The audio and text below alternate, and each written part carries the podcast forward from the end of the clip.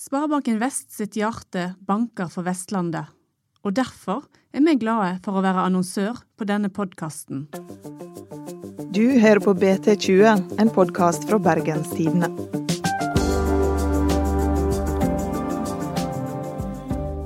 Ingen fylker i Norge er like utsatt for ekstremvær og naturskader som Hordaland.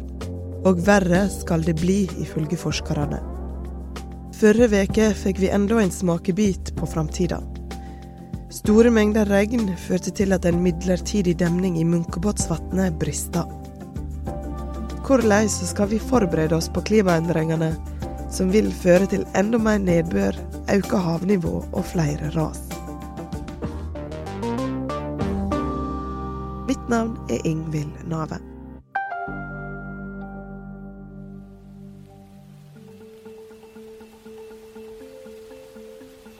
Regnet enormt mye eh, på den dagen, på kvelden, eh, eh, da det skjedde. Og jeg var ute på tur med hunden og var klissblaut da, da meldingen kom på mobilen.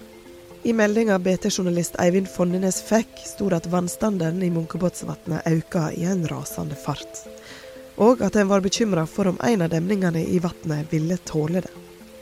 Om den brista, ville det bety at beboerne i tettbebygde Eidsvåg ville få enorme vassmengder rasende ned mot heimene sine.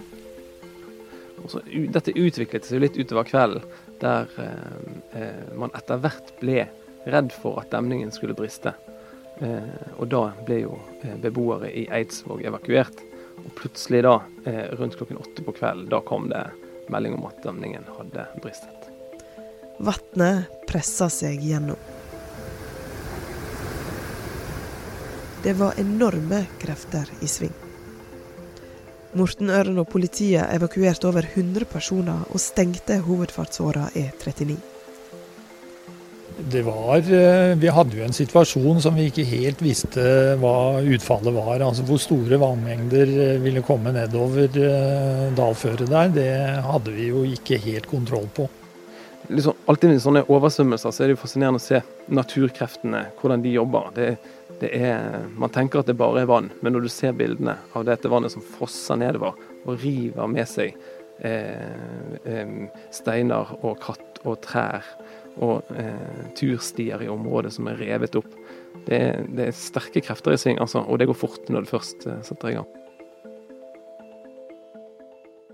Da vi kom på jobb torsdag morgen, så hadde vi allerede hatt eh, en del team ute og, eh, og, sett på skadene. Og du kan si det vi fikk svar på, var hvor voldsomme krefter som hadde vært i sving. Eh, det området var jo ikke til å kjenne igjen. Det er jo et veldig sånn kjent turområde i Bergen, dette. Eh, og, og, det ser jo Når så store krefter har vært i sving, så ser det litt ut som en krigssone. Altså røtter på trær har blitt revet opp. Eh, og eh, steiner har blitt eh, dratt ned fjellsiden. altså nede, Helt nede ved sjøen ved Eidsvåg båthavn så lå det liksom steiner som hadde blitt eh, røsket med av vannet på vei nedover. Så så vi skjønte vel egentlig at, eh, at eh, det er på en måte større enn det eh, man kanskje hadde tenkt kvelden før. Nå var det heldigvis ingen personer som kom til skade, men kreftene som har vært i sving, liksom, det, det er fascinerende. Og spørsmålet vi tenkte vi måtte finne svar på med en gang, var hvordan kunne dette skje, og hvem har egentlig ansvaret for dette? Dagen derpå inviterte kommunen og politiet til pressekonferanse. Men verken sjef for vann- og avløpsetaten Magnar Sekse eller byrådsleder Harald Skjelderup hadde noe svar på hva som hadde gått gale enda. Hvordan kunne dette skje? Ja, jeg har nesten like lyst til å spørre deg om det samme, for det skulle jo ikke skjedd. Men det har skjedd. Det er jo ingen tvil om at dette er en hendelse som ikke skulle ha skjedd. Dette er en hendelse og en sak vi tar på høyeste alvor. Det tok ikke lang tid før kommunen, som har ansvaret for demninger i Bergen, fikk kritikk. Vannet i, i Munkebåtsvannet begynte å stige ganske mange dager før demningen brast. Det skjedde jo først onsdag kveld. Men eh, kommunen fikk allerede meldinger i løpet av helgen før om at vannet hadde begynt å stige. Eh, og så på mandag den uken, to dager før demningen røk, da hadde de begynt å sette inn tiltak for å få vannet i Munkebåtsvannet lavere enn det det var. Da hadde jo det kom et eh, varsel om, eh, altså farevarsel om store mengder nedbør onsdag. Eh, og så man visste jo at det kom masse nedbør. Eh, og arbeidere som jobbet på stedet onsdag formiddag, som vi har snakket med, har fortalt at vannet steg enormt fra de kom på jobb om morgenen til de gikk hjem eh, på ettermiddagen. Eh, og først da, etter arbeidstid, kan du si, da, på, i femtiden eh, onsdag, var det vel først brannvesenet kom med pumpene sine. Og I ettertid så kan det jo være de skulle blitt tilkalt tidligere. Det er i hvert fall noe av kritikken som har, har kommet mot kommunen. Det er ganske spesielt. Det er jo I dette tilfellet er det også viktig å huske på at dette var en, eh, en midlertidig demning. Eh, så det er jo ikke den, den originale demningen som var der, som, som brast. Det er to demninger på dette vannet. Nå holdt de på på den nordlige siden av vannet å skifte ut den demningen som var. Og Det er fordi at de fant ut at den demningen som var der fra før, var for dårlig. De to demningene i Munkebåtsvannet er nesten 200 år gamle. Oi. Så de har jo holdt godt ganske lenge. Det er fremdeles mange ubesvarte spørsmål rundt hvorfor den midlertidige demningen brast. Kommunen skal ha blitt advart om at demningen var i dårlig stand. Politiet har også satt i gang sin egen etterforsking av saka. Byrådsleder Harald Skjelderup kom også med en advarsel under pressekonferansen. Klimaendringene øker risikoen for at slikt vil skje oftere i framtida, og vi er nødt til å forberede oss. På en, på en side så, så, var han jo veldig lettet, det sa han eh, rett ut. Og det var fordi at uh, ingen personer kom til skade. Um, for etter å ha sett de uh, vannmengdene og de kreftene som er i sving, så, så, må man jo tross alt være glad for at, at uh, sånn sett gikk det ganske bra. men han var også veldig tydelig på at, at de ikke, foreløpig ikke visste hva som hadde gått galt, at at, og at dette, dette, skulle aldri skjedd. Men at det, det, var målet da. At det skulle de sette inn eh, alle krefter for å finne ut av. Og så er det et paradoks. Og det er altså det at dette var et arbeid som blir gjort med en demning for å lage permanente løsninger som nettopp skal forebygge det vi vet vil, det vil bli mer av i fremtiden. Vi har hatt tørke før i sommer. Nå har vi hatt flom. Ekstremer vet vi det blir mer av. Og alle kommuner, inkludert Bergen, har gjort, gjør og kommer til å gjøre enda mer når det gjelder nettopp å sikre oss mot konsekvenser av ulike hendelser knyttet også til vær. Atle Andersson, du er journalist i Bergens Tidende. Hvorfor tror du Harald Kjeldrup eh, sier det her? Dessverre så er langtidsvarselet fra klimaforskerne at nedbøren på Vestlandet vil øke i årene som kommer. Eh, årsnedbøren frem mot år 2100 den er beregnet til å øke med om langt 15 og aller mest om vinteren og høsten. Men det som gir størst grunn til bekymring, det er at mye av denne økningen den vil komme i form av kraftigere og mer, mer intense regnskyll, slik vi også hadde sist onsdag da demningen i Munkebotn brast. Nå skal du få ei kort melding fra vår annonsør. Vi er straks tilbake. Sparebanken Vest har et hjerte som banker for Vestlandet. Vi støtter små og store samfunnsnyttige prosjekter, og ett av de er Bergen Fringe Festival. Line Jensen, du er leder for Bergen Fringe Festival. Hva er Bergen Fringe Festival? Bergen Fringe Festival er en eh, scenekunstfestival. Her programmerer vi eh, både lokale, nasjonale og internasjonale aktører, som både er eh, uetablerte, nyetablerte og profesjonelle. Eh, alle disse kompaniene kommer da under samme tak. Når begynner festivalen, og hvor lenge varer den? Vi begynner 6. og varer ut søndag 9. september. Så da er det jo egentlig bare til å komme og, og bli med på eh, alt det spennende som skjer. Yes. Slå dere løs. Det var en melding fra annonsøren vår. Nå går vi videre i podden. Hvorfor er Vestlandet så klimautsatt? Sier de noe om det?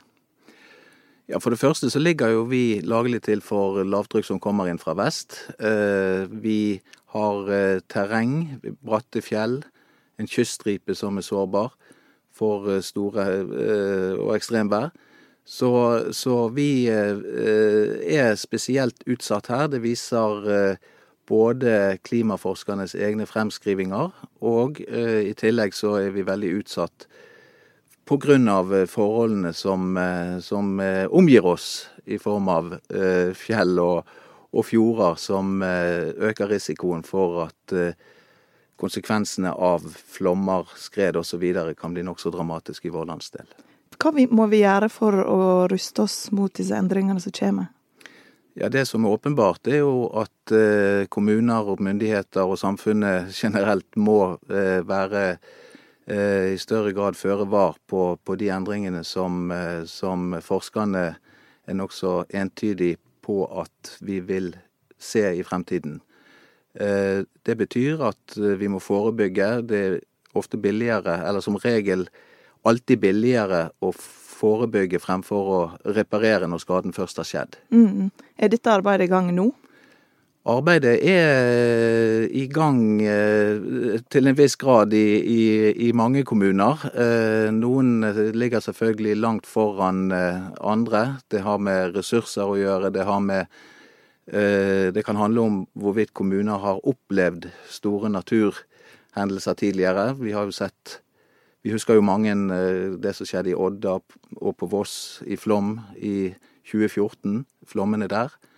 Og det har nok ført til at de kommunene i større grad har gjennomført tiltak for å forebygge skader i fremtiden. I form av f.eks. For Elvis sikring mot flom osv. Rett og slett fordi de kjenner det mer på kroppen allerede nå? Ja.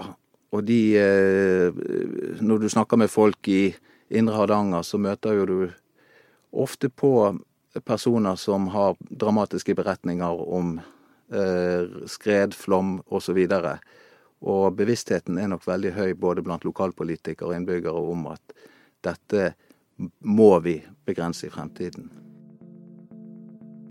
Hvert år er det store ras- eller flaumhendinger på Vestlandet. Å, fytti helvete! Gudvangen! Se på de steinene! Slik som i 2014, da både Voss, Flom og Odda fikk store skader under oktoberflaumen. Plutselig så kommer det et blått blink, og det, da forsto jeg at nå kortslutta hele huset mitt borte der. Og, og, da var det bare som et papirhus. De ble bare krølla sammen og rett i elva og vekk fra det. Jeg syns det ser forferdelig ut. Jeg har aldri sett så mye vann og, og, og, hatt en så fortvila situasjon som dette her er. Det er ufattelig mye vann inni oss. Vet vi noe om hva bygder på Vestlandet som er aller mest utsatt? Den aller mest utsatte eh, skredkommunen basert på tidligere hendelser, det er Stryn eh, i, i Sogn og Fjordane. I tillegg så er det jo en del kommuner som eh, jevnlig opplever skred. Eh, jeg, nevnte, jeg har nevnt tidligere Tyssedal, altså Odda kommune. Ullensvang eh, er i også et svært, svært sårbart område. Når du snakker med folk i Indre Hardanger, så opplever du eh, gjerne at eh, noen forteller om at de ruller ned bilvinduet når de skal kjøre ut langs fjorden for å, for å høre om det buldrer i fjellsiden. Fordi veldig mange har opplevd farlige skred i i sine, i, i sine bygder og, og i, i fjordarmene på, på, de kanter. Og så har vi jo de velkjente vestlandsveiene. Det er smalt og det er bratt, og det er fjell overalt. Er det noen planer for hvordan vi skal sikre dem? Det finnes, eh, et, det finnes veldig gode planer for, eh, eller mange planer for hvordan man skal sikre disse, disse veiene. Behovene er kartlagt. Eh, man har fordelt de ulike veistrekningene eh, inn i ulike faregrader, eller risikoklasser. Og eh, disse veiene har samlet sett i Region Vest, da, som omfatter Hordaland, Sogn og Fjordane og Rogaland, et behov for rassikring på rundt 22 milliarder kroner. Og da er ikke engang E16 mellom Bergen og Voss medregnet. Fordi at det er et prosjekt som ligger inne i planleggingen som et helt nytt veiprosjekt. Men 22 milliarder for å sikre de vestlandsveiene. Tror du vi får 22 milliarder? Nei, det gjør vi nok ikke. Etterslepet er nok eh, større enn det vi, eh, vi, vil eh, se av bevilgninger.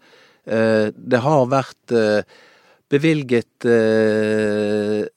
jevnt og trutt til rassikring på, til veier både på Vestlandet og andre landsdeler i, i, i mange år nå. Men etter hvert som man får nye rapporter og det lages nye faresonekartlegginger osv., så, videre, så så ser man at antallet veistrekk, eh, veistrekninger som har behov for skredsikring, eh, vil, vil i grunnen bare øke. Så behovet er tilsynelatende umettelig.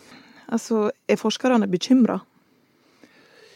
Ja, altså Forskerne er jo eh, uttrykker i større grad bekymring og, og, blir på en måte en stemme i klimadebatten eh, mer nå enn de kanskje har vært tidligere. Og det henger vel også sammen med en bekymring eh, for utviklingen. De mener vi har dårlig tid nå, da? Ja, de mener vi har dårlig tid. Og verdens eh, ledere har jo tidligere bestemt eh, at vi skal prøve å begrense den globale oppvarmingen til to grader. Eh, det såkalte togradersmålet. Eh, for å nå det så må vi eh, kutte klimagassutslippene raskt. Vi har liten tid å miste, og det, det, det må en radikal snuoperasjon til i løpet av få år hvis vi skal klare å begrense den globale oppvarmingen til, til to grader. Eh, det som eh, vi ikke må glemme her, det er jo det store bildet. At det er de fattige landene som er minst eh, rustet til å takle klimautfordringen, som også risikerer å få de mest dramatiske konsekvensene av, av utviklingen. Så selv om vi ligger dårligst an i Norge, så ligger vi fortsatt i hermetegn godt an på verdensbasis? Ja, både i form av mulige konsekvenser av klimaendringene, og fordi at vi har eh, ressurser eh, med eh, bedre, et mye bedre utgangspunkt for å forebygge skader og takle det som måtte skje, enn enn veldig mange andre land som, som risikerer langt større og mer dramatiske skader enn det vi på Vestlandet kan møte i, i årene som kommer. Det var ukas episode av BT20. Vi er tilbake om ei veke. Produsent er Henrik Svanevik. Og mitt navn er Ingvild Nave.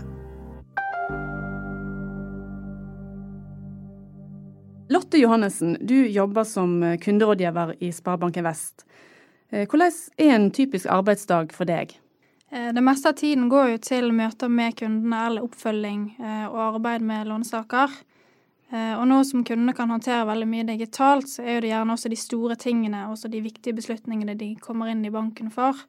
Boligkjøp, spareplaner, eventuelt håndtering av skilsmisse.